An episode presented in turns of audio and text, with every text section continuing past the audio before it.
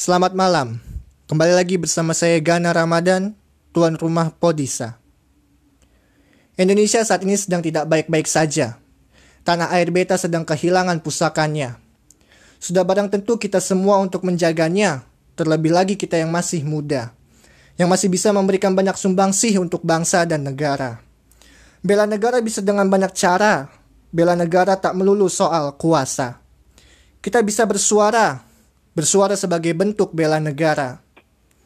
Jangan sampai kita berdiam diri dan membiarkan orang dengki menghancurkan bangsa ini.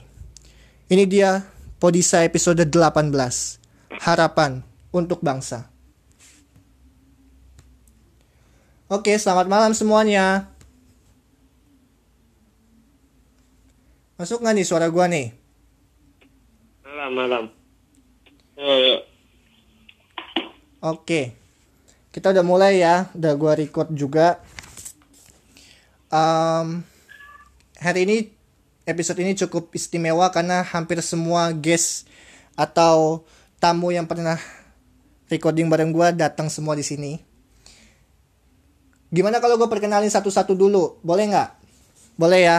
Yo, boleh, boleh. Boleh, boleh, boleh. Oke. Ini ada dari pak dari yang ada yang udah sering, ada yang udah pernah. Eh, ada dua jadinya tuh, ada dua kelompok tuh. ada yang udah sering, ada dari Cailah ceritanya ini kayak ini nih, kayak forum-forum diskusi. Ada dari pengamat politik dan juga pendidikan tingkat SMA ada Mas Arya. Selamat malam Mas Arya. Mana nih suaranya nggak masuk kok? Malam, malam. Oke, sip. Gimana udah siap, Mas? Eh, siap, insya Allah. Oke, sip. Lalu bergeser sedikit masih dari tentang masih dari topik yang sama. Ada pengamat politik dan juga pendidikan serta pegiat transportasi publik Jakarta. Asik. Ada Noval. Selamat malam Noval. Malam. Gimana Pal kabar Pal? Baik, baik. Oke, sip. Lalu di bidang selanjutnya yang berbeda jauh ada pengamat JKT48 dan juga pastinya fans sepuh JKT48 ada Kak Ida Lina. Selamat malam Kak Ida. Ini juga udah sering nih ke Podisa. Halo, selamat malam semuanya. Selamat malam. Gimana Kak kabar Kak? Kabar alhamdulillah baik-baik kan. Oke, sip. Kemudian ada sama dari bidang yang sama, tapi ini lebih luas lagi cakupannya. Ada pengamat 48 Group dan juga fans sepuh JKT48. Ada Bang Hel, ada Bang Elter Black. Selamat malam Bang. Halo, malam. Oke, sip. Kemudian yang paling sepuh ada salah satu pengurus fanbase-nya Aya nih. Aya Nesia ada Bang Azam. Selamat malam Bang Azam. Makasih udah datang nih. Ma Iya, selamat malam. Salam kenal semua. Oke. Dan sebenarnya masih ada lagi satu, cuman nggak bisa hadir untuk malam ini. Akan recording di lain waktu. Itu ada kakak sepupu gua. Dia ahli gizi di salah satu puskesmas di DKI Jakarta. Oke. Gimana kalau kita langsung masuk aja ke topiknya ya, biar cepat ya. Karena ini episode Oke, spesial. oke, oke. Oke. Karena ini episode spesial jadi gue mau bahas dari semua aspek dan kebetulan Podisa hampir lengkap semua aspeknya. Seni ada, politik ada, pendidikan ada, juga ekonomi ada. Oke. Dimulai dari pendidikan dulu karena kalau katanya pendidikan itu kan pertama dan utama, tapi kita nggak tahu faktanya. Faktanya gimana nih, Mas Arya? Yuk, Iya, selamat malam Mas. tentang pendidikan. PJJ ya mungkin ya. Iya boleh. Eh, sedikit aja mas tentang PJJ karena kalau sama lo gue mau bahas secara politisnya tuh. Tapi boleh tanggapan lo Iya. PJJ sedikit aja. Eh, singkat aja, buat, buat durasi juga. Eh, Oke. kalau dari gue sendiri, PJJ gue cukup lancar sih ya.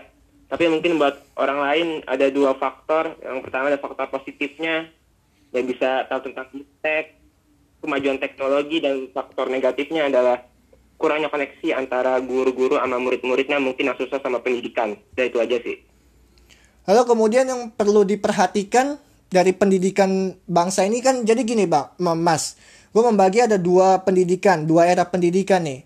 era di mana sebelum ada pandemi dan sesudah ada pandemi. Kalau kita tahu sesudah pa- sebelum ada pandemi ini pendidikan terlihat baik-baik saja. Walau kita nggak tahu kebenarannya gimana kan. Nah, yang perlu diperhatikan saat ini kan yang sekarang ini sedang pandemi PJJ ini metode pembelajaran jarak jauh. Itu kira-kira yang masih perlu diperbaiki itu apa tuh Mas dari PJJ Mas? Mungkin teknisnya kali ya. Teknis mulai dari cara belajarnya, cara penyampaian belajarnya, cara penyampaian materi. Soalnya kemarin waktu angket sendiri, gue sendiri nulisnya adalah bagaimana gurunya harus pintar-pintar menyikapi tentang individu masing-masing murid itu. Teknisnya sih mungkin menjadi faktor persoalan utama. Kalau dari fasilitas bagaimana Mas? fasilitas sih ya kalau gua sih alhamdulillah bisa tapi kalau misalkan ya tadi yang gue bilang tadi kalau misalkan ada teman-teman yang istilahnya ekonominya kurang kayak seperti satu keluarga cuma punya satu HP doang jadi harus ganti-gantian sama adiknya yang SMP atau SD kan kasihan itu juga sih mungkin harus bantuan dari sekolahnya bantuan kota bantuan internet Oke, itu tadi sedikit tentang PJJ, Mas. Lalu kemudian kalau secara politis sedikit, Muhammadiyah sam- dan NU sampai keluar dari program Kemendikbud itu gimana, Mas, menurut lo, Mas?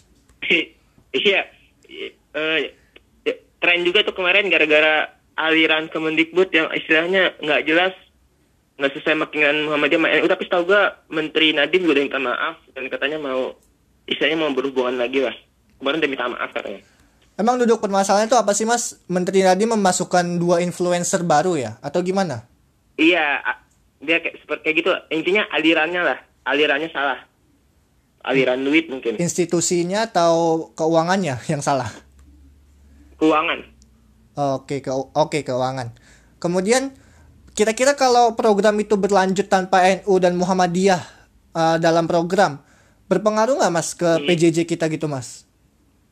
berpengaruh. Kemarin ada pengamat politik yang ngomong bahwa NU ini sama Muhammadiyah istilahnya kan penonggak pendidikan Indonesia. Jadi ya nggak wajar aja lah kalau misalkan dia keluar.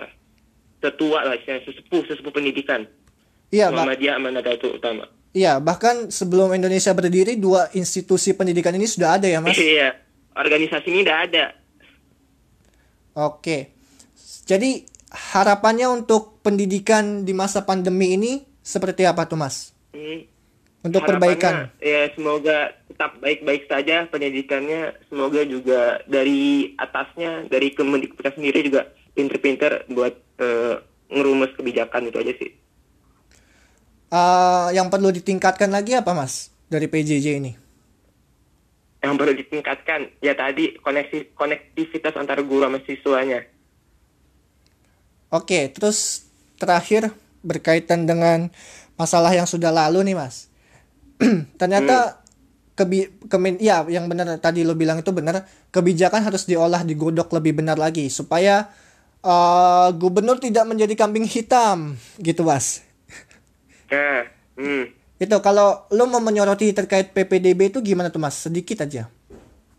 PPDB ya itu kalau Karena ternyata setelah dikit-dikit setelah aja ya. setelah dikuak Eh, gue cuma mau ngomong Ah? itu semua salah dari Kemendikbud.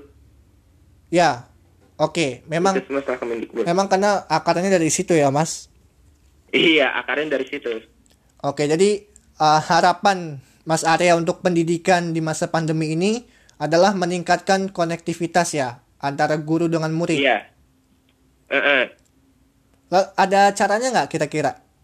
Pakai cara apa gitu biar? caranya kayak, kayak- kayak kemarin kan yang kata sekolah ada rapat sama orang tua itu juga salah satu eh, istilahnya hal-hal yang harus dilakukan oleh sekolah lah pinter-pinter aja sih eh, cara konektif cara apa menghubungi murid-muridnya juga agar murid agar murid-muridnya juga nggak ketinggalan materi tetap ngerti apa yang sesuai sama sekolah sih itu aja Oke, sip. Siap-siap ya. Nanti belakangan ada lagi kita yang pah yang panas-panas nih, politik. Oke? Oke. Sekarang gue mau ke Noval. Noval.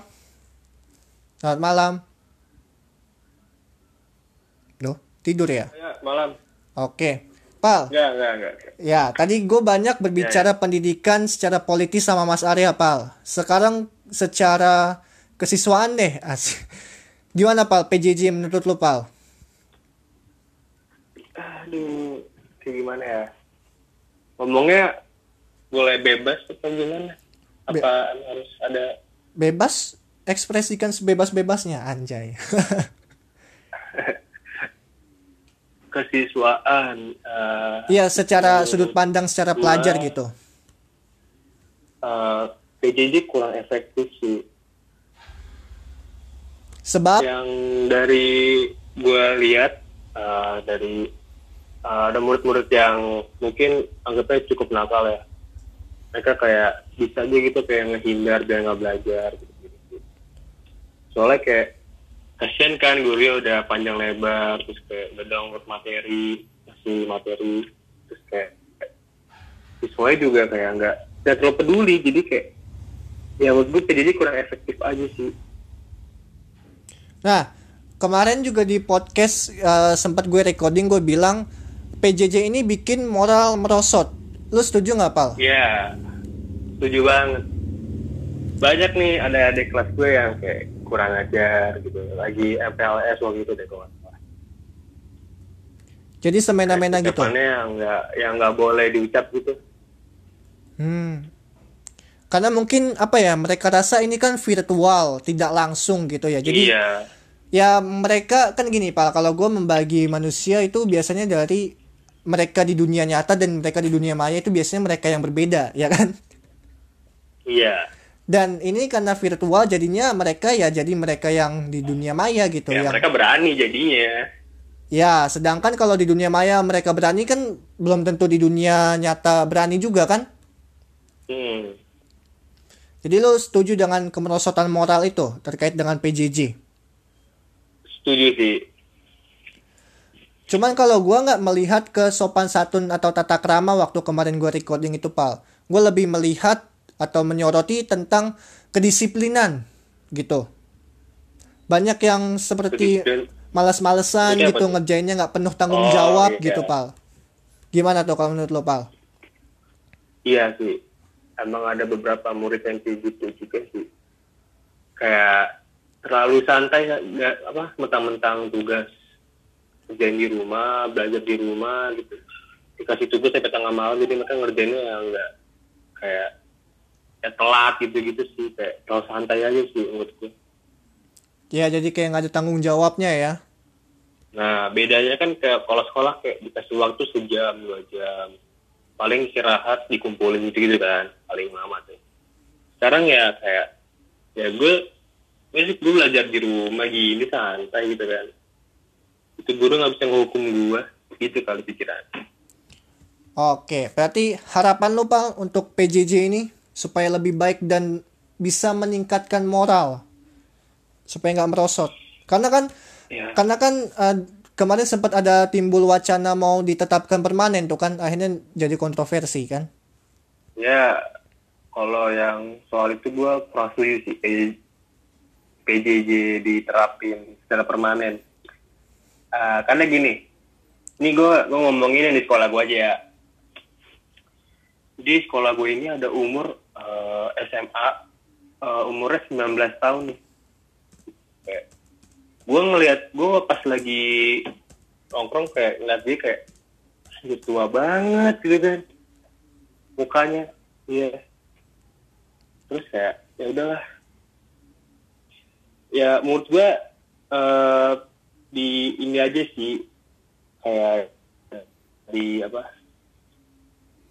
eh mungkin ke depannya ya udah mulai masuk sekolah aja soalnya PJJ juga kurang efektif sih kata gue itu aja Oke, jadi supaya kembali efektif karena PJJ kalau biasanya kalau orang udah ngomong gak efektif tuh udah harga mati tuh Pak, udah mentok. Jadi mau nggak mau harus masuk sekolah lagi ya, tatap Iya. muka lagi ya. ya menurut gue gitu sih Kalau tadi kan kata Mas Arya meningkatkan konektivitas, karena kita belum tahu nih masuk sekolah kapan. Kalau lu apa Pal? Untuk menyiasati PJJ ini gimana Pal? Yang sedikit perbaikannya itu apa tuh Pal? Singkat. Hmm, ya tingkatin konektivitas kita ya sih. Terus kayak mungkin kedisiplinan siswanya juga. Oke, berarti kalau gue tarik Kalau kesimpulan, di, di, di masing-masing juga sih. hmm, oke oke. Berarti kalau gue tarik kesimpulan antara lu sama Mas Arya, Berarti ingin sama-sama meningkatkan konektivitas antara guru dan murid supaya tidak terjadi kemerosotan moral gitu ya Pak, supaya moral meningkat gitu. Gimana Mas Arya juga?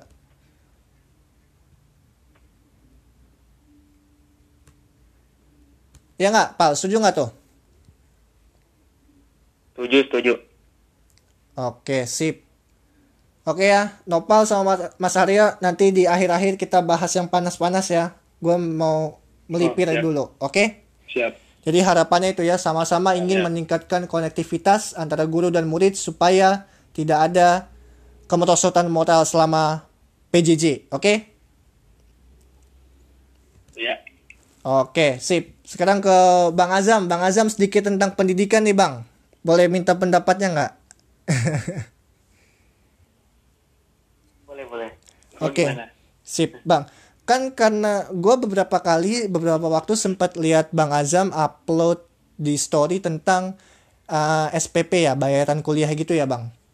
Ah, UKT gitu. Iya, namanya UKT. Oh, UKT. kuliah. Oh, UKT ya, bukan SPP ya. salah, salah. Bukan, iya. Oke, itu gimana tuh Bang tanggapan lu? Eh, maksudnya duduk permasalahan itu seperti apa? Kampus tidak memberikan potongan atau sudah memberikan potongan tapi masih kurang dengan situasi ekonomi yang sekarang nggak menentu dan bahkan cenderung hancur lebur. Gimana tuh Bang? Kalau di kampus saya itu eh, kemarin itu eh, udah apa tuh? Kayak udah janji 300 ribu per mahasiswa gitu, udah mau potongan kan. Tapi mereka ingkar janji, jadi sampai sekarang belum ada potongan-potongan. Ya menurut gua itu jangan jangan cuma janji doang lah, aturan dilaksanain potongan tersebut. Karena kan tidak tahu kita juga masih semua mahasiswa di kampusku, kampus saya itu bisa membayar UKT dengan harga sebesar itu gitu loh. Oh jadi permasalahannya itu eh, kampus yang belum menepati janjinya. Gue nggak mau sebut ingkar takutnya ntar tiba-tiba menepati janji. Jadi belum menepati janji gitu bang. Iya, belum menepati janji benar. Tapi dari segi waktu kira-kira logis nggak sih bang? Apa maksudnya udah berapa lama nih ja- dari janji itu diberikan tapi belum terrealisasikan sampai sekarang? Mungkin baru dua eh udah dua bulan lah, dua bulan Agustus sama Juli tuh. Agustus sama Juli, iya. Nah itu wak- waktunya masih maksudnya masih waktu yang normal atau udah nggak normal? Udah harus disesegerakan gitu bang? Nah, sebenarnya sih udah nggak normal soalnya ini pandeminya emang panjang kan dari bulan Maret sampai sekarang belum belum ada kita belum masuk kuliah dan uang gedung itu kan tidak dipakai. Jadi ya uang gedung itu bisa dialihkan untuk eh, memotong memangkas uang kuliah dari mahasiswa biasanya. Oke, soalnya terkait dengan bayaran, eh, s- gua eh, saya apa gua bingung jadinya. Iya gua. aja. Ah, ah. itu pernah dengar dari sepupu sama dari tetangga, katanya kalau di kampus Bang Azam ada praktek juga nggak bang? Oh ada ada ada praktek kalau Nah, gua. oke. Namanya iLab eh, eh, ah, lab lab gitu, lab kayak lab manajemen, lab lab teknik-teknik juga ada labnya gitu. Tapi kan labnya nggak ada tuh, jadi online. Ya ya aturan mah duit yang buat udah kita bayarin buat lab itu ya buat motong UKT itu. Nah itu bang, karena dikeluhkan juga nggak ada praktik tapi bayar uang praktik tuh bang, gimana? Iya, itu maksudnya uh, uang praktik itu kan bisa dialihkan ke yang lain, misalnya pemotongan atau kasih kuota per mahasiswa gitu lah, kuota internet gitu kan, kita daring kan sistemnya. Oke, sip. Berarti eh, untuk harapannya gimana tuh Bang? Harus ada eh, harapan masukannya gimana? Kampus bikin kerja Ya. sama sama Pemda atau gimana ya gitu Bang? Ya semoga aja kampus ada penjelasan lebih lanjut lah terkait udah janjinya pemotongan itu, pemotongan uang UKT itu per- di mahasiswa ke mahasiswanya itu, dan mungkin daringnya itu lebih lebih efisien lah, lebih apa tuh kita nggak di kampus saya itu tidak ada tetap muka gitu. Ka- kayak daring zoom zoom gitu nggak ada. Jadi ya mungkin bisa dia melakukan itu di semester depan zoom gitu. Jadi penjelasannya lebih itu lebih ada gitu loh di setiap matkulnya Tapi di kampus-kampus lain kayak kampus temannya Bang Azam itu pada kayak gitu Bang, pada nge-zoom atau nge-meet gitu Bang. Kalau kampus lain biasanya ada, tapi terga- tergantung juga sih kampusnya. Biasanya kalau negeri gitu ada daringnya. Kalau misalnya swasta nggak tahu juga sih. Oke, sip. Berarti harapannya supaya janjinya cepat direalisasikan gitu ya Bang. Iya benar, benar banget. Sama mungkin ini kali Bang, supaya pemerintah terkait dengan departemennya bisa memberikan itu bantuan gitu ya Bang ya. Oh iya bantuan kayak ya berapa berapa berapa aja kita kita siap me- menerima maksudnya. Kalau bantuan berapa aja gitu, tiga mau berapa ratus ribu atau berapa, mas cukup membantu untuk di masa pandemi kayak gini. Karena sekarang benar-benar bantuan apa pun itu kayaknya berharga ya Bang ya, benar-benar Iya dibutuhkan. berharga banget. Heeh. Apalagi yang ngekos segala macam. Oh Ya iya, iya yang rantau ya Bang ya. Heeh, rantau. Oke, sip, Bang. Nanti kita ngobrol-ngobrol lagi tentang JKT ya, Bang. Sekarang Oke, oke, santai. ke Kak Ida dulu. Halo Kak Ida, selamat malam. Malam. Mana nih Kak nih? Udah siap atau dioper ke Bang Helmi dulu? Mana Kak Ida?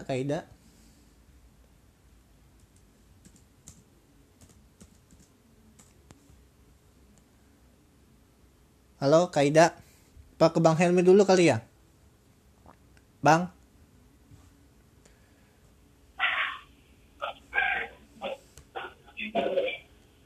Halo Bang? Halo. Ah, tuh Kak Ida udah tuh jadi bingung kan dua-duanya nih. Jadi mau ke siapa dulu nih? Kak Ida dulu boleh kali ya Bang ya? Dulu deh. Biar ikut alur ya. Ya, Kak Ida dulu ya, Bang. Oh, kayak dulu. Oke, Oke, oke. sip, sip. Oh gitu. Gimana gimana? Ya. Oke Kak, ini menarik nih Kak. Boleh. Kam, ini entah gua yang mencocok logikan atau memang benar-benar cocok. Karena gini, Apa tuh? seni itu kan di masa covid ini kayaknya berpengaruh banget dengan ekonomi. Jadi ibaratnya JKT48 benar-benar terdampak dari aspek ekonomi karena pandemi ini. Gimana tuh kak? Setuju nggak tuh kira-kira?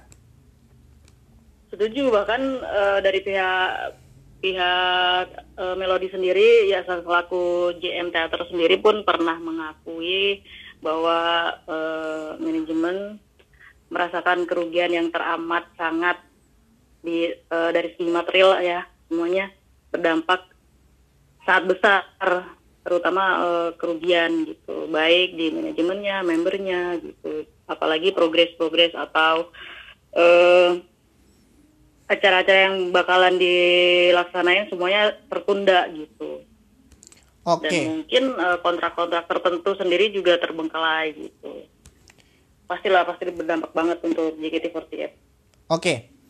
Terus em, menurut kak Ida sendiri tentang terobosan atau event yang udah dibuat selama masa pandemi ini dari mulai event ada yang mungkin event live ataupun yang uh, upload-upload video MV MV gitu di YouTube gitu kak. Itu gimana tuh kak? Sudah tepatkah atau masih perlu perbaikan? Masih perlu koreksi? Kalau untuk yang upload video ya, terutama video apa nih, yang kayak eh, JKT TV atau yang lirik lagu atau gimana? dua-duanya secara MV keseluruhan sih kalau untuk upload video gimana? ya semuanya kak semua Kalau untuk semua up- video Oh semuanya. Kalau untuk upload video yang MV dulu sih yang MV MV dulu diupload sih itu udah oke sih, udah eh, kayak eh, kita jadi kayak bernostalgia. Terus yang video musik lirik itu juga udah oke. Cuman kalau di video lirik itu yang untuk lagu JKT itu kayaknya kurang kurangnya itu di storynya storynya nggak ada. Jadi cuman gambar gerak-gerak itu aja. Mungkin akan lebih manis kalau dikasih storynya. Jadi kayak anime-anime story gitu kan. Nah kalau untuk program event yang kemarin back theater itu juga udah eh, bagus sih bagus. Kita juga eh, dengan momen itu kita bisa flashback bisa nostalgia juga. Terus untuk apa namanya event mungkin untuk DS sendiri atau HS sendiri sih susah ya untuk eh, untuk masa pandemi ini untuk bakalan dilaksanain. Tapi eh, untungnya kan eh, dari manajemen ada terobosan eh, yang video video call dengan member itu kan. Jadi ya eh, lumayan lumayan terobati lah rasa kangen eh, fans sama member. Begitu juga dengan member sama fans. Terus ini juga ada program baru di JJT 48 akustik juga. Juga udah lumayan eh, terobosan baru menghibur juga. Tadi gue sempat nonton sebentar terus so- soal teater eh, tim J kemarin yang streaming juga udah lumayan eh, lumayan mengobati kangen juga yang JKT teater ya untuk nanti besok juga akan ada Katri juga kan gitu. Oke. Gitu sih menurut Terus em, ini sebenarnya mau dikasih ke Bang Helmi tapi bolehlah ke Kak Ida buat dengar pendapatnya nih. Dengan boleh harga 25.000 dengan uji coba yang lima kali sebelumnya kan udah ada ya gratis ya lima kali show 25.000 itu worth it nggak kak? Worth it sih karena apa ya? Karena kalau kita mau kasih seharga teater yang teater yang biasanya juga pasti fans mikir ke Bali karena Nggak kuat. dalam kondisi seperti ini kan pasti ada juga yang ngalamin ngalamin dampaknya gitu kan. Dengan harga segitu menurut gue worth it sih. Oke, jadi worth it ya kak untuk show itu. Worth it banget. Nah Ya. terakhir em, uh, waktu awal-awal itu sempat ada ada dua hal nih. Awal-awal itu kan JKT48 sempat uh, upload setlist yang belum ada di platform musik, tapi sekarang menghilang. Itu gimana? Lalu kedua, di awal pandemi juga uh, banyak tuh artis yang diundang untuk dari ada yang dari pemerintahan, ada yang inisiatif mereka sendiri bikin kelompok gitu untuk membuat konser secara virtual. Nah, ini gimana nih kak? Kalau yang dari pemerintahan JKT48 nggak diundang, terus kelompok juga nggak tergabung gitu kak? Gimana tuh? Kalau untuk 48 sendiri mungkin kembali lagi kerus sih, kerus juga. Terus mungkin mereka ada eh, hal-hal tertentu mungkin yang nggak nggak bisa mereka jalankan atau gimana. Kita juga nggak tahu kan kendala di sana itu gimana. Tapi memang harapannya besar banget untuk 48 juga bakalan eh, ikut gabung gitu. Lalu yang Halo? itu kak, iya. Lalu yang em, platform musik gimana tuh kak? Setlist belum ada kelanjutannya lagi nih di Spotify atau Joox. Yang yang gimana? Yang setlist itu kak, setlist yang belum diupload kan? Kamu nih? Yang mana nih? Oh, Kan, ah, ah. Waktu itu kan sempat bilangnya mau upload setlist setlist yang belum yang belum masuk di uh, platform musik. Terus kan kemudian Oh, diupload beberapa. Terus sekarang uh, belum ada kelanjutannya lagi. Itu kira-kira kenapa tuh kak? Iya sih PR juga itu sampai sekarang juga masih banyak yang nunggu banget. Mungkin juga eh, kurang tahu juga sih kendalanya di sana gimana. Cuman untuk eh, sekarang ini kan mereka lagi kayak fokus ke ini ya ke up video ya, up video terus sama streaming sama apa? Ada progres baru yang untuk mungkin persiapan kayak K3 sendiri persiapan setlist K3 terus sama mungkin persiapan tim juga gitu jadi lebih fokus ke mungkin program-program mereka yang baru gitu kalau untuk platform sih mungkin bakalan di up sih bakalan di upload di sana cuman mungkin butuh waktu atau gimana kita kan nggak tahu di sana juga cuman harapannya ya mudah-mudahan segera sih dirilis juga Jadi karena udah ada inovasi baru, itu jadi rencana cadangan lagi gitu ya kak? iya iya ya mungkin mereka lebih lebih memprioritaskan atau mengutamakan eh, kayak setlist setlist yang baru atau yang Tinti ini. Oke. Sip. Terakhir harapannya gimana kak untuk JKT48 selama pandemi? Karena kita pandemi belum tahu sampai kapan atau jangan selama pandemi deh karena kalau pandemi pasti lama. Selama masa PSBB transisi ini itu harapannya seperti apa? Harus melakukan apa? Terobosan seperti apa lagi yang dibuat? Lalu misalnya kalau nanti sudah menghad- sudah masuk new normal, itu gimana kak persiapannya harus JKT48 harus mempersiapkan apa tuh? Kalau harapan gue selama pandemi ini, eh ya gue berharapnya lebih diprioritasin eh, setlist sih, setlist Katri yang sempat tertunda sama ini persiapan tim T. Karena itu pasti ditunggu-tunggu banget sama fans. Biarpun nanti kita nontonnya secara virtual karena masa masa pandemi kan. Tapi itu udah paling eh, menurut gue udah paling ditunggu banget gitu. Menurutku itu.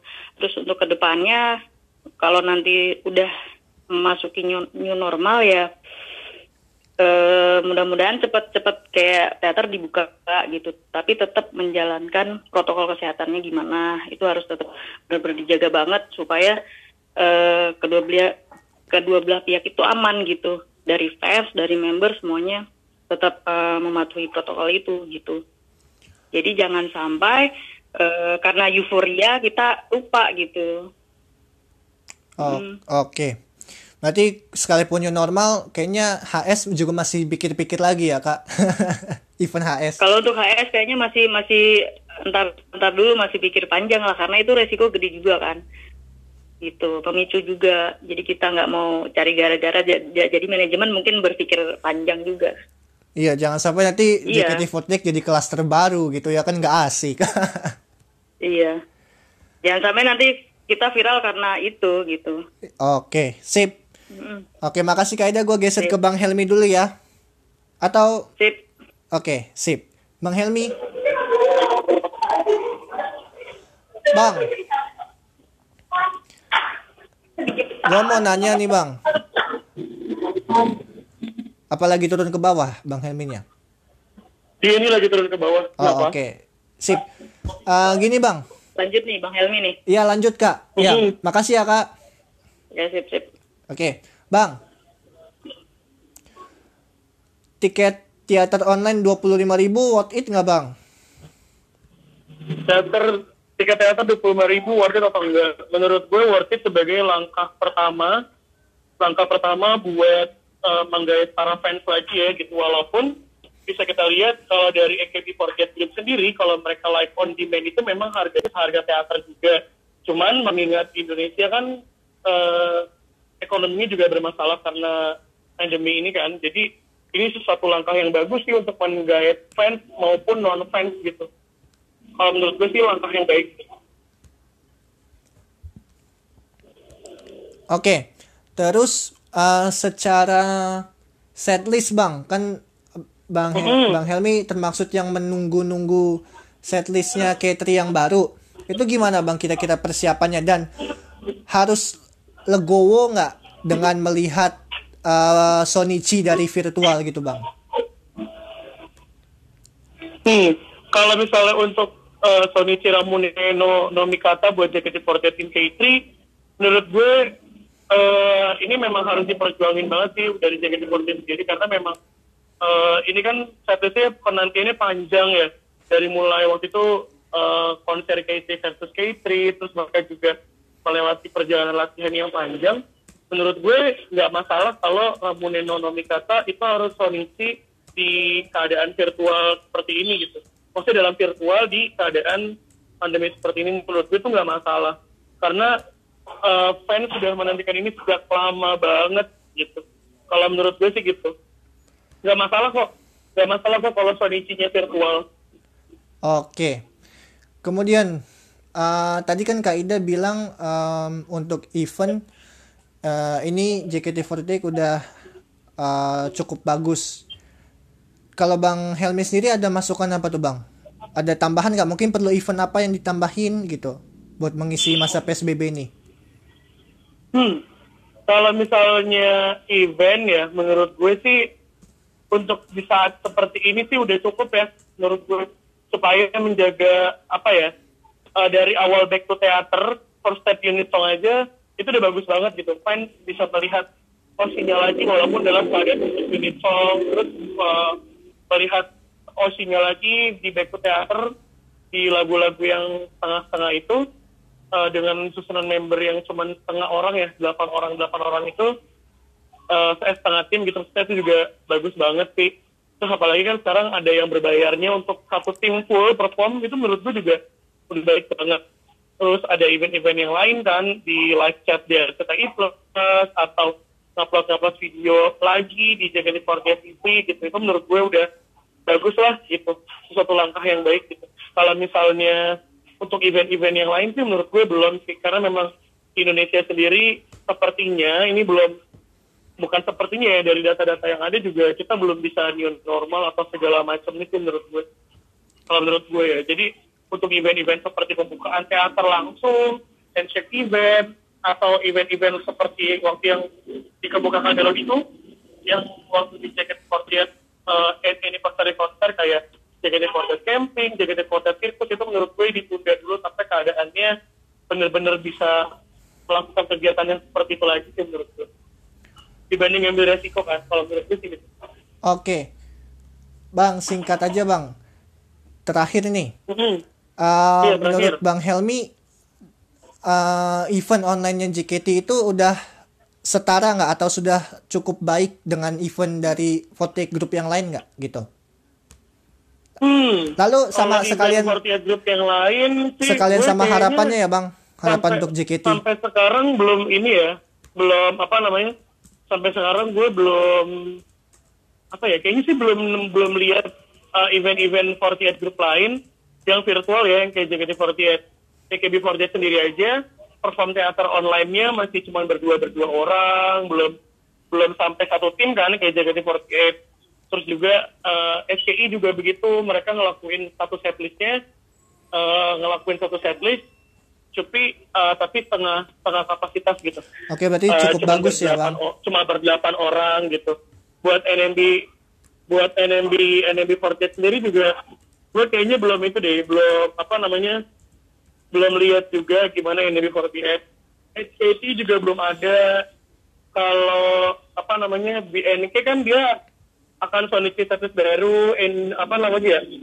Eh, EKB Team TV juga dia apa EKB Team TV udah bikin ini kan, udah bikin event bareng member juga. Itu kalau menurut gue tergantung ini sih, tergantung apa ya, tergantung dari kesiapan negaranya masing-masing sih. Kalau menurut gue sih gitu ya.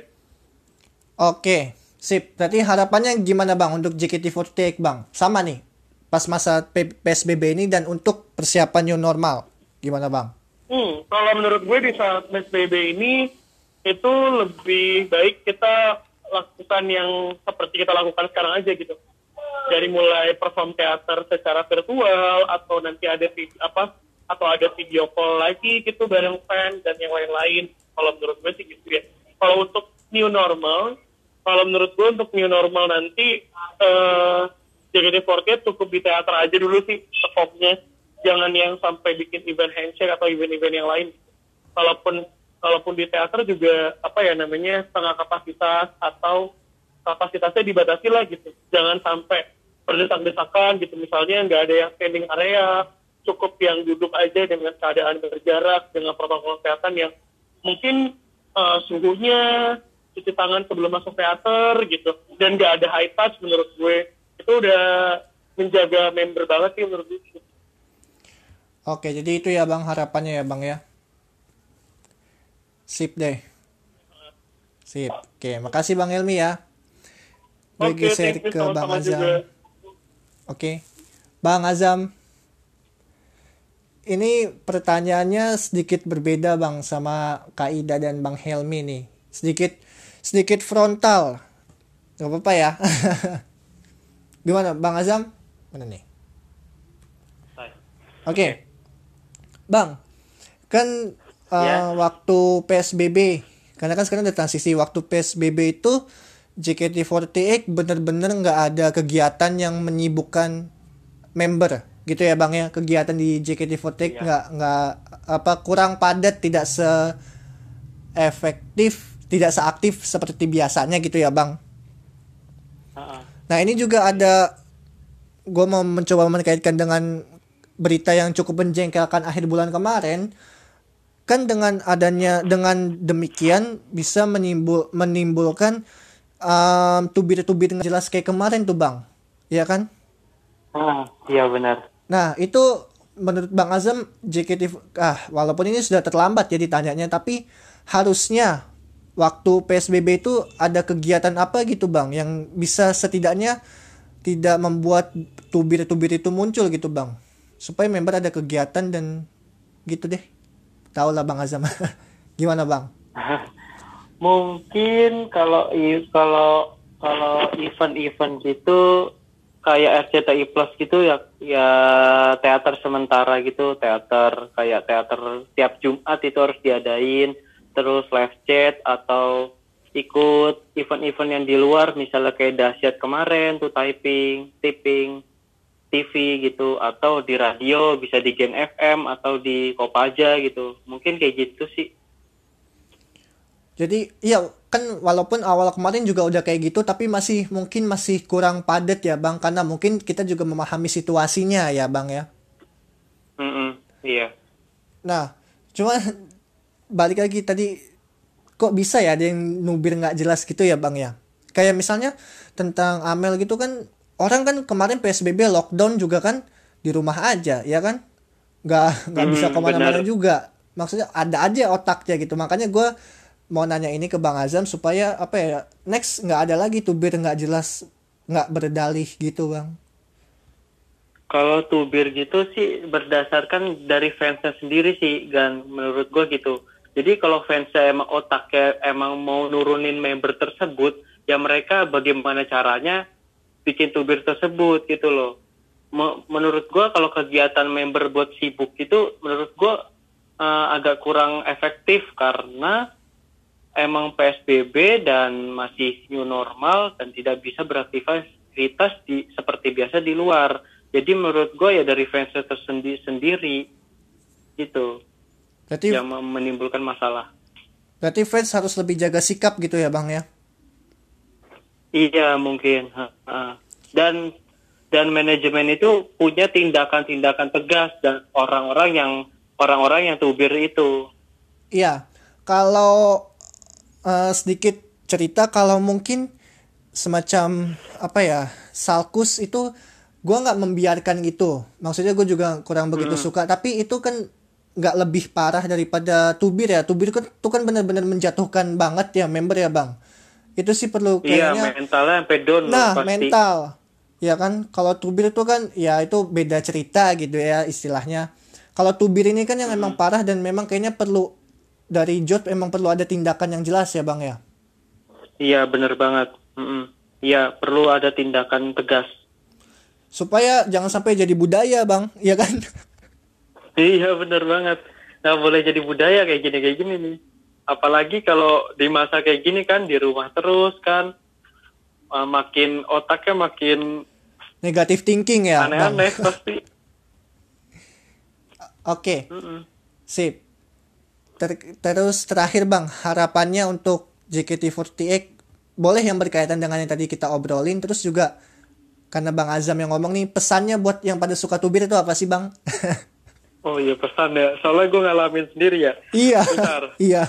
Eh, kalau pesan sih menurut gue kurangin lah kayak gitu kayak gitu ya menurut gue itu emang bisa menjatuhkan member tersebut atau sampai down sampai tutup akun bisa sampai grab bisa sampai keluar juga bisa member tersebut jadi menutup rezeki orang itu parah sih menurut gue Dampaknya kalau ya, misalnya harapan buat JKT48 sendiri mungkin kontennya lebih menarik lagi lebih lebih member-member yang belum pernah ditampilin di JKT TV atau JKT48 eh, YouTube-nya mungkin ditampilin sesekali lah atau diundang keluar lah prospek-prospeknya masih bagus-bagus Gen 9, Gen 8, Gen 7 itu masih bagus prospeknya untuk ke depannya gitu makasih Oke, sip, Bang.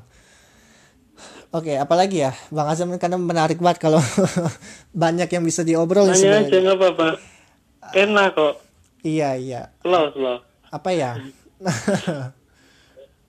Mungkin itu dulu kali ya, Bang ya. Nanti kita bicarakan oke. lagi, oke? Sip. Yo, eh. Makasih ya Bang Azam ya. Yo, sama-sama. Oke, sekarang terakhir ke topik terakhir ada Mas Arya dan juga Noval. Sekalian berdua ngomong ya. Politik, Mas, Pal. Hmm. Gimana nih akhir-akhir ini politik sangat menarik. Dari mulai secara kronologis dari mulai em, Joko Chandra dulu apa dinasti politik dulu? Apa itu barengan? Dinasti politik ya. Kalau Joko Chandra menurut gue nggak masuk deh, nggak masuk politik gitu. Oh nggak masuk. Oke berarti dari dinasti politik, terus klepon, terus eh, apa lagi habis klepon? Eh, Kami telepon. Ike Muti, Ike Muti dulu. apa? Ike Muti. Bentar ya, bentar ya, gue ambil catatan bentar. Oke, ya Mas Arya dulu. Ya kan ya Mas, yang sama Pemda itu ya Mas ya.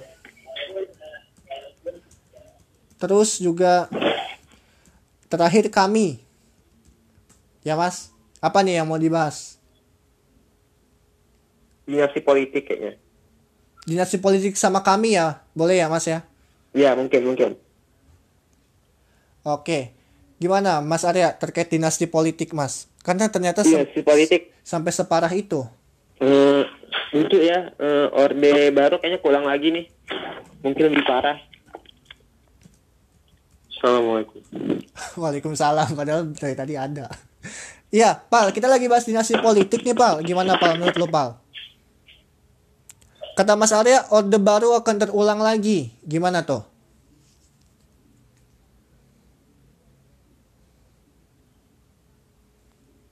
Halo, Nopal? Nopal hilang malah. Yuk yuk. Iya, dinasti politik, Pal. Kata Mas Arya, Orde Baru akan terulang. Apa? Apa? Baru connect. Iya, dinasti politik, dinasti politik. Kata Mas Arya akan terulang lagi. Seperti zaman Orde Baru. Iya, Mas ya? Ya. Gimana? Kemungkinan besar sih iya kali ya.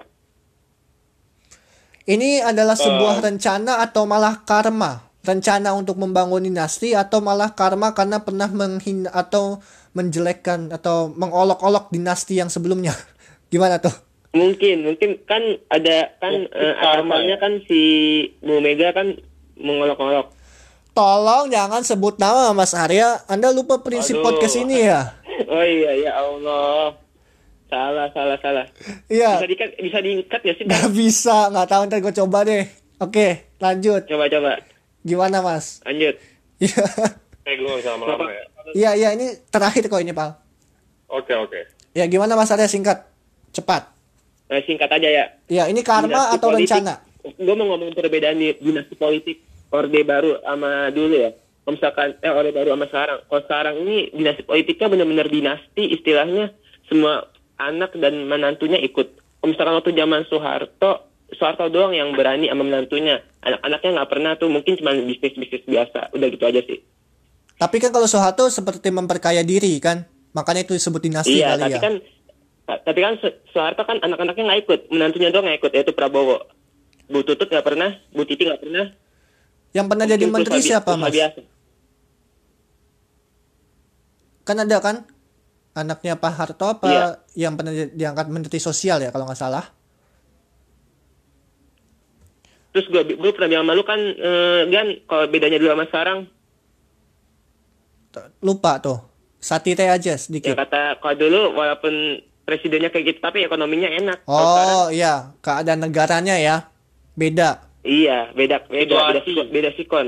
Ya. Oke, kalau Nopal gimana, Pal? Menurut lo, Pal, dinasti politik. Tahan, kita masih ada satu lagi tentang kami. Gimana, Pal? gue singkat aja ya. Gue singkat aja ya, soalnya gue gak terlalu ikutin banget yang dinasti politik itu. Ya. Yang gue tahu kan eh anaknya Jokowi mau ikut. Satire, Nopal. Nggak usah sebut nama. Iya. Oh iya, Bener. astagfirullah, lupa lupa. Menantunya juga dong, Sama. jangan lupa disebut menantunya. Iya, Nah, gitu deh. sepaket. Ya. Ha-ha. Ada tuh orang tuh. Nah, menurut gue sih nggak nggak apa ya ya enggak ini aja ya boleh sih ngikutin tapi kayak gue takutnya ter kayak keulang aja lagi gitu kayak waktu dulu Oke. Jadi uh, traumatik ya lebih ke traumatik ya Iya, psikologis. iya. Oke. Trauma. Sip.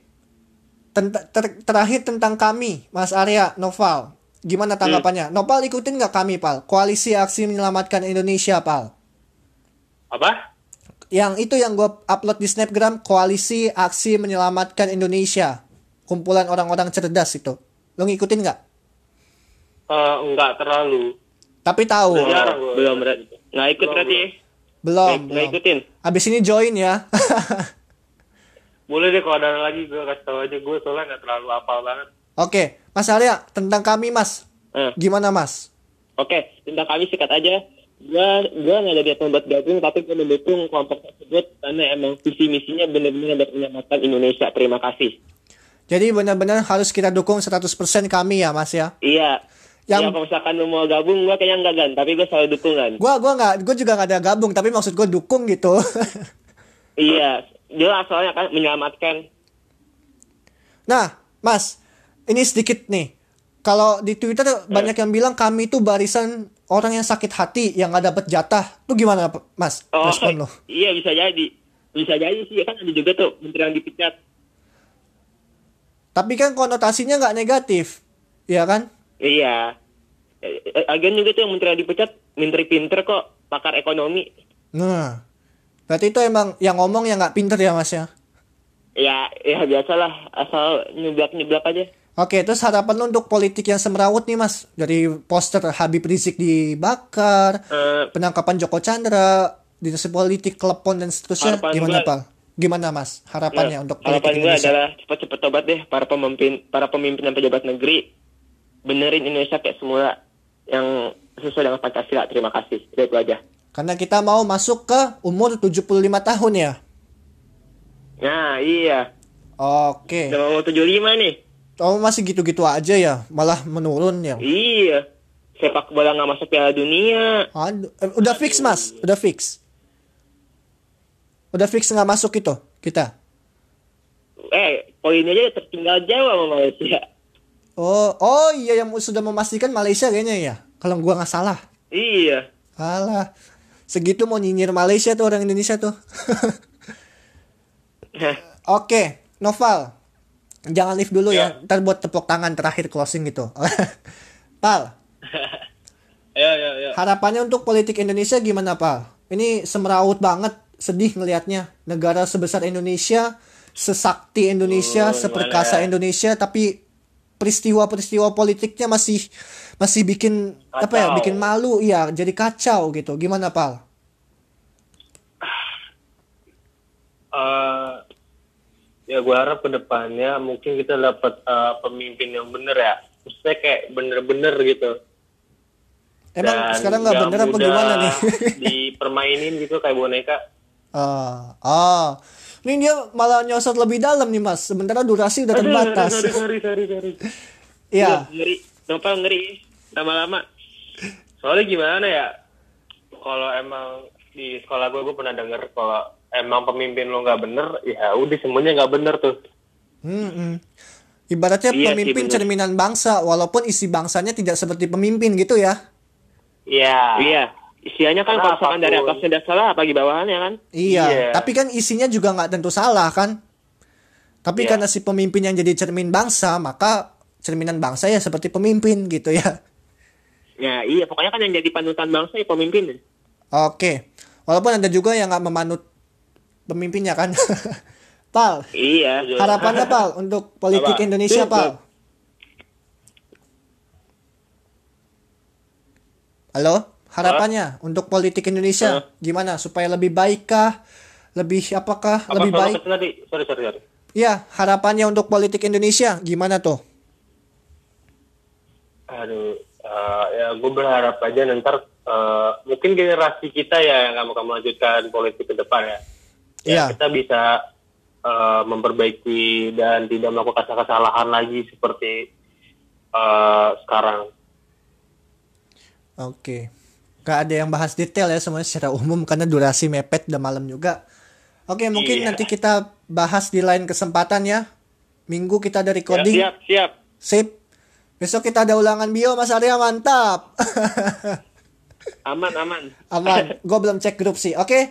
Makasih Nopal ya Mas Arya, Shifu, Iya, iya. eh, Bang Azam, Sama Bang juga, Helmi. Kaida. Ya, terima kasih Siap, semuanya siap, ya. ya. Sip. Yuk. Selamat malam. Assalamualaikum. Eh, Maaf. Assalamualaikum. Nanti kita, Salam. ya. Kita lanjut ke Mbak Tia nanti di hari selanjutnya. Kita lanjut ke Mbak Tia, oke? Oke, sekarang kita lanjut ke Mbak Tia. Kalau tadi kita kan sudah mendengar eh, dari Mas Arya, terus juga Noval dan Bang Azam, juga Kak Ida dan seterusnya. Sekarang kita dengarkan closing statement asik dari Mbak Tia. Mbak Tia ini kerja bekerja di salah satu puskesmas di Jakarta juga pernah turun untuk merepit atau menswab gitu warga di sekitar uh, puskesmas tempat dia bekerja. Lalu kira-kira apa nih pengalaman atau cerita yang bisa dibagikan ke kita juga himbauan yang bisa diberikan juga ke kita untuk kita lebih mawas diri menghadapi uh, transisi atau adaptasi kebiasaan baru. Oke, langsung aja kita tersambung dengan Mbak Tia. Halo, selamat malam, Mbak. Halo? Masuk nggak suaranya? Putus-putus suara kamu. Putus-putus. Sekarang masih putus-putus. Aku keluar. Aku di teras. Oh ya. Udah?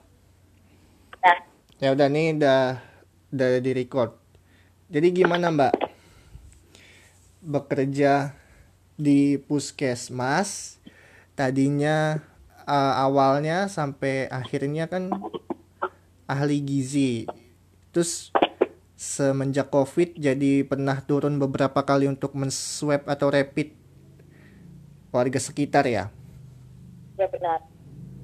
Itu gimana tuh ceritanya tuh boleh diceritakan? Sebenarnya ya, gue juga gak nyangka ya kalau bakal ikut andil dalam penanganan si COVID ini. Iya. Karena kan kayak ahli gizi gitu loh, ngapain? Gitu loh, gitu kan kalau di tes, ya kan? Tapi ternyata makin ke sini, makin ke sini, eh pasien makin banyak. Dokter di puskesmas cuma tiga, perawat tiga. Terus kan kalau perawat udah lansia, nggak boleh pegang pasien kan, lebih beresiko tertular kan. Oke, perawatnya nggak ikut. Berarti kan dokter tiga, perawat dua. Sedangkan setiap hari kasusnya makin banyak, makin banyak, makin banyak. Dokter sama perawatnya udah nggak mampu dong megang pasien sebanyak itu. Mulailah dibagi ketiga, ke ahli gizi, ke kesehatan lingkungan.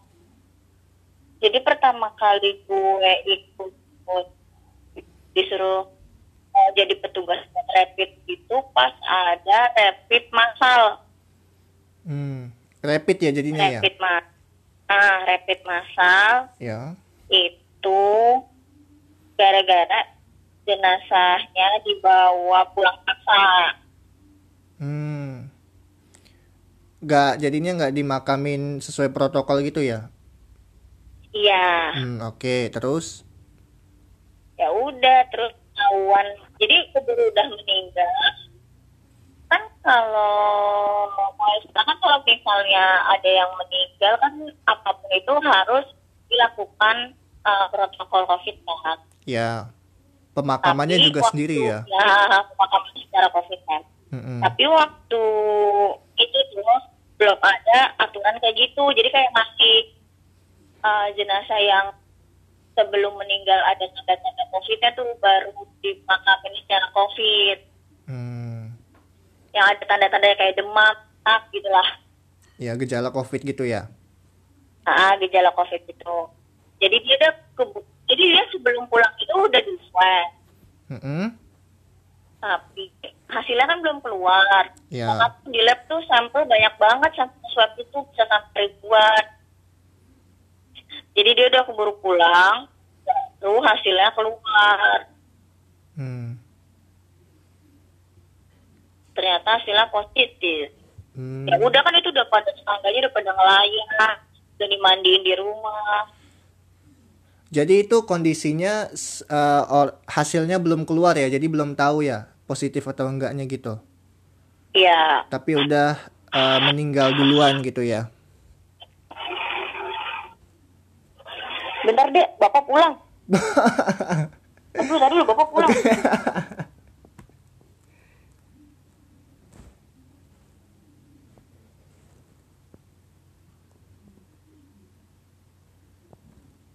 Oke. Sambil menunggu kendala teknis yang tidak terduga. Udah belum? Dah, dah, dah. Udah. Kepo banget. Ayo lanjut, lanjut. Maaf ya, ada gangguan. Iya. Jadi tadi gimana? Sampai mana tuh? Oh iya. Iya, Jadi itu jadi- hasilnya belum keluar ya. Iya, Hmm, jadi bukan bukan ada kesalahan ya, tapi karena memang hasilnya belum keluar dan udah udah keburu meninggal gitu ya. iya. Banyak sih. Iya, keluarganya istilahnya kayak gak ngerti ya, nggak pada sabaran atau ya, gue juga ngerti sih, namanya juga orang terdekatnya meninggal gitu kan, Iya, lihat iya. terakhir pastilah mau diurusin, gue juga Mm-mm. paham kok. Mm-mm. Itu juga kan uh, apa fenomena yang cukup meng, akhir di Indonesia ini kan cukup marak terjadi tuh kan jenazah diambil paksa gitu kan. Iya, iya, iya benar. Itu Kan agak gini ya, ya gimana? rumah sakit kan sebenarnya kalau misalnya si jenazah ini ada gejala COVID kan, pasti kan langsung langsung uh, akan menyuruh keluarganya untuk dimakamkan secara protokol COVID kan. Tapi kan balik lagi dong ke keluarganya mau atau enggak. Kan ada yang keluarganya bisa nerima, tapi ada juga yang nggak bisa nerima. Tunggu Mbak, bentar Mbak. Itu jadi kalau mau dimakamkan walaupun sudah positif COVID, ditanya dulu ke keluarganya mau dimakamkan protokol atau enggak atau sudah wajib protokol.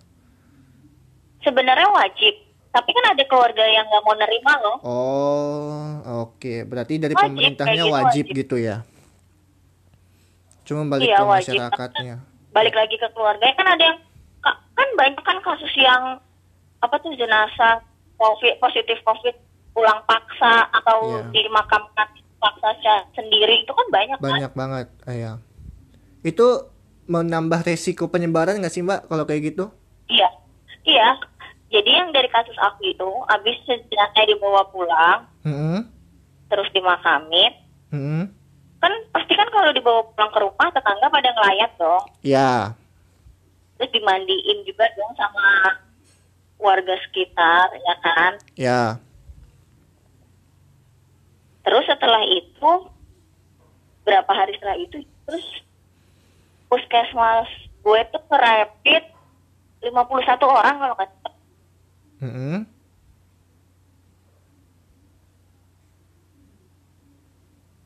Halo. jadi 51 orang Hmm. jadi 51 orang tuh bukan kayak 51 orang itu ngelayat ya nggak kayak misalnya eh bapaknya ngelayat ya kan bapaknya ngelayat pulang ke gitu rumah ya jadinya ya. di rumah ketemu siapa istrinya anaknya berarti kan istri dan anaknya jadi kontak eratnya dia udah Iya. jadi empat itu jadi makin nambah makin nambah makin nambah gitu Jadi bukan 51 51-nya datang tapi hasil penyebaran gitu ya.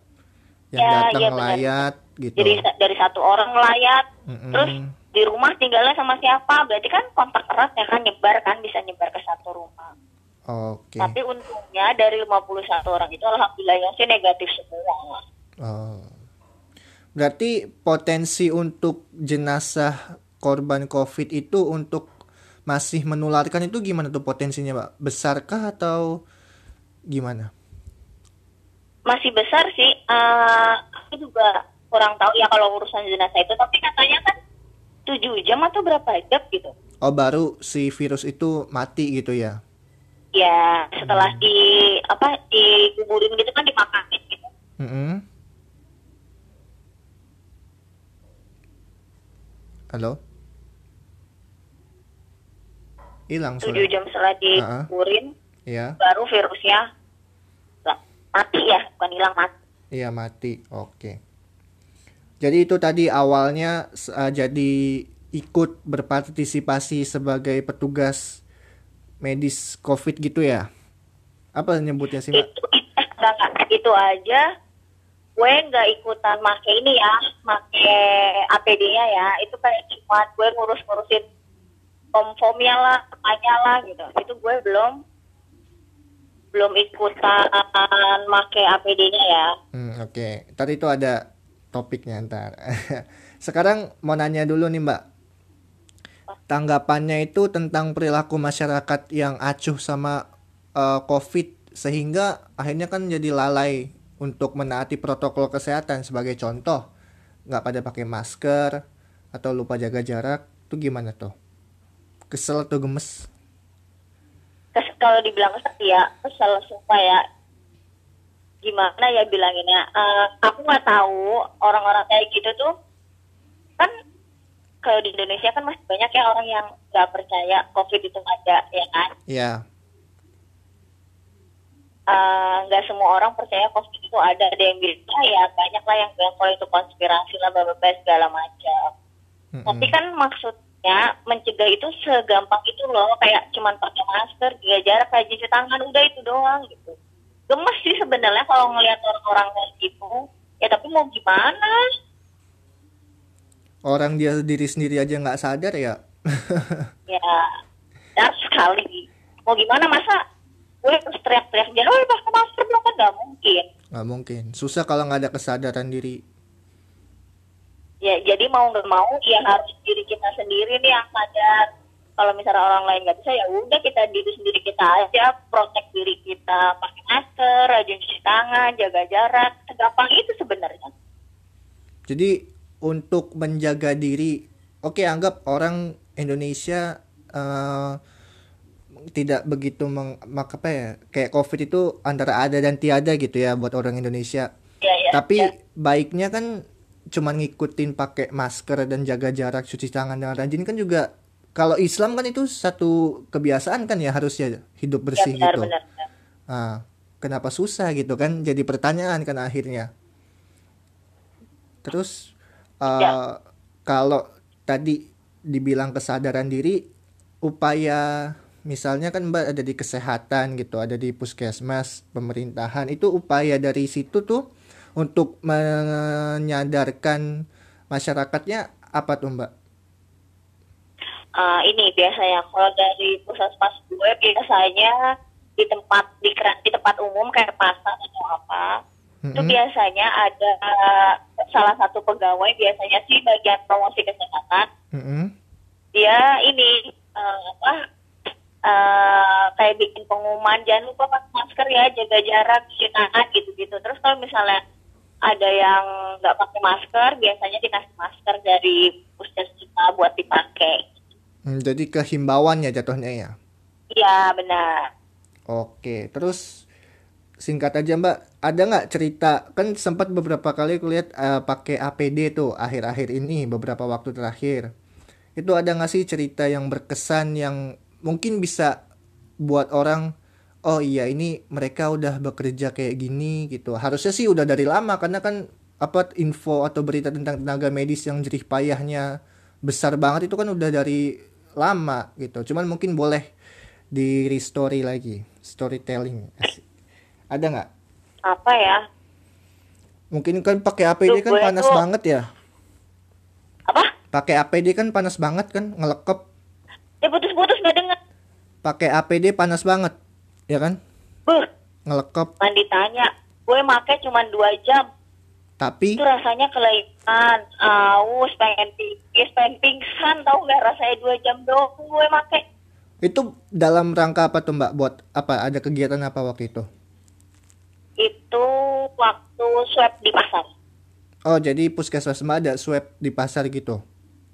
Iya kebetulan pasarnya itu wilayah gue kerja jadi yang turun ya udah pegawai-pegawai puskes gue. Pasar yang tadi itu. Iya. oh, oke.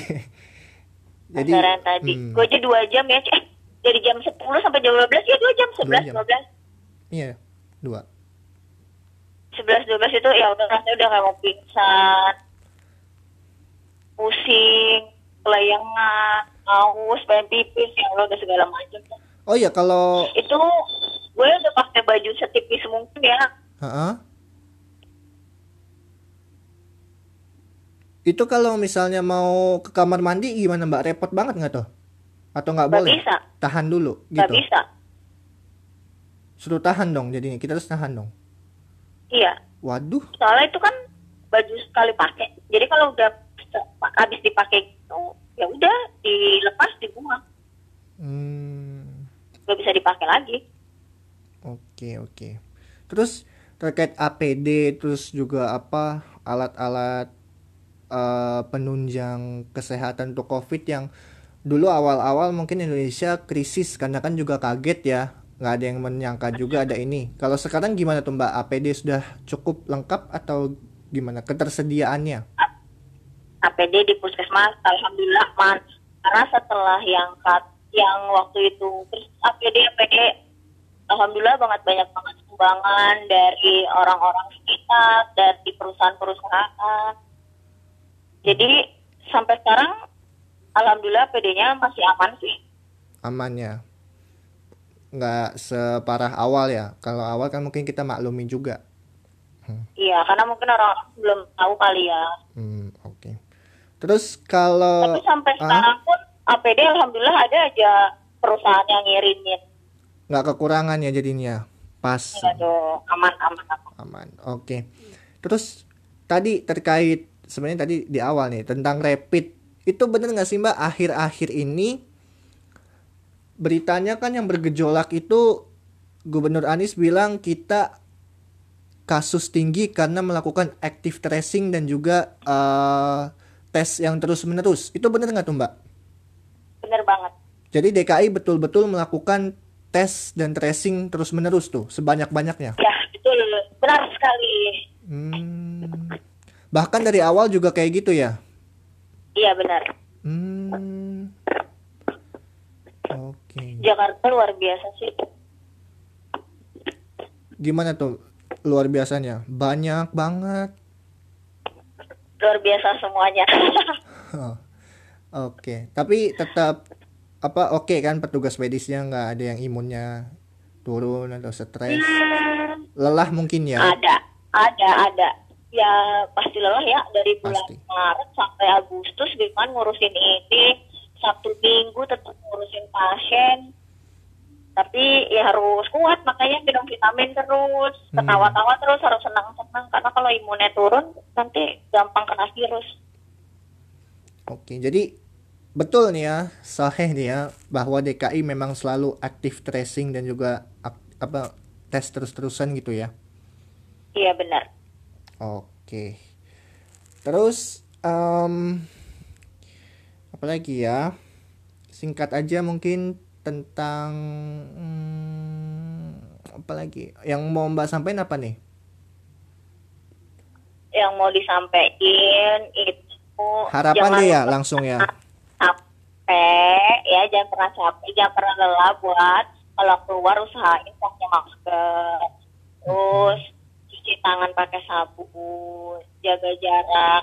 Walaupun itu sama keluarga kita maksudnya keluarga kayak misalnya eh, yang beda daerah kayak misalnya lu mau berkunjung ke mana lu tetap harus pakai masker lo tetap jaga jarak sama mereka lo tetap harus sering cuci tangan gitu. Karena kita nggak tahu si corona ini ada di mana.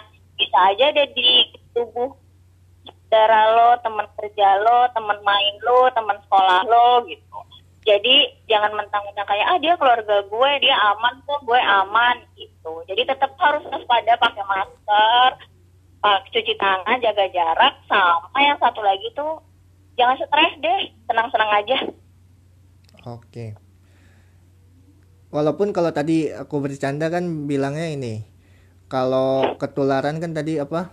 Pas minum satu sedotan itu kalau emang virus kan tracingnya cepet gitu orangnya itu itu ya itu kan Iya, kalau mau gitu bercanda tuh. ya oke terus apalagi Mm-mm. apalagi kayak gue ya maksudnya tenaga medis gue tuh dulu ih waktu awal-awal si corona gue takut takut menyebarkan ini ke keluarga gue ke teman gue. Makanya tuh gue awal-awal corona benar-benar di rumah nggak pernah ke mana-mana. Terus eh, oke satu lagi deh tambahan. Terkait dengan psbb transisi ini yang fenomena orang udah mulai keluar rumah itu gimana mbak? Iya ya gue juga heran kenapa orang banyak keluar rumah. Padahal kan kerja orang kantoran juga masih pada WFH. Tapi juga udah ada sih yang masuk ke kantor ada ya. Menurut gue ya udahlah kalau nggak usah nggak penting-penting amat nggak usah keluar rumah lah udah di rumah dulu. Masalahnya ini kasus tinggi mulu nggak rendah-rendah. Oke, kalau kita anggap Jakarta memang aktif tre- apa banyak-banyak tes, cuman kan kasus Indonesia ini yang terus-terusan belum ada pelandaian kan sampai dari awal itu sampai sekarang? Iya belum ada. Malah makin naik ya. Malah makin naik. 100 ribu juga berasa biasa aja kan ini orang-orang. Kelihatannya kan gitu. Soalnya kalau waktu itu pernah ngobrol sama Bunda katanya orang waktu bom Tamrin aja itu ada ibu-ibu selfie di belakang terorisnya, berani. ya emang itu yang emang, itu emang. bahaya Menurut gue, ancaman ah, ah. menurut gue harusnya semua daerah tuh ngadain ini sih swab besar-besaran kayak Jakarta sih menurut gue harusnya oh berarti daerah lain tesnya nggak sebesar di Jakarta gitu mbak gue kurang tahu ya kalau di luar Jakarta. Tapi kayaknya enggak ya. Soalnya di tempat gue tinggal pun nggak ada. Bekasi Bekasi nggak segencar gitu. Nggak segencar Jakarta. Iya nggak segencar Jakarta. Hmm. Kalau di Jakarta tuh sampai kayak SAR semua di swab. Terus yang terakhir itu ini tempat-tempat kecamatan, kelurahan, TPSU. kantor pemerintahan di- ya Iya kantor-kantor pemerintahan. Sampai guru-guru di sekolahan pun di swab. Iya ibu katanya habis di swab ya kemarin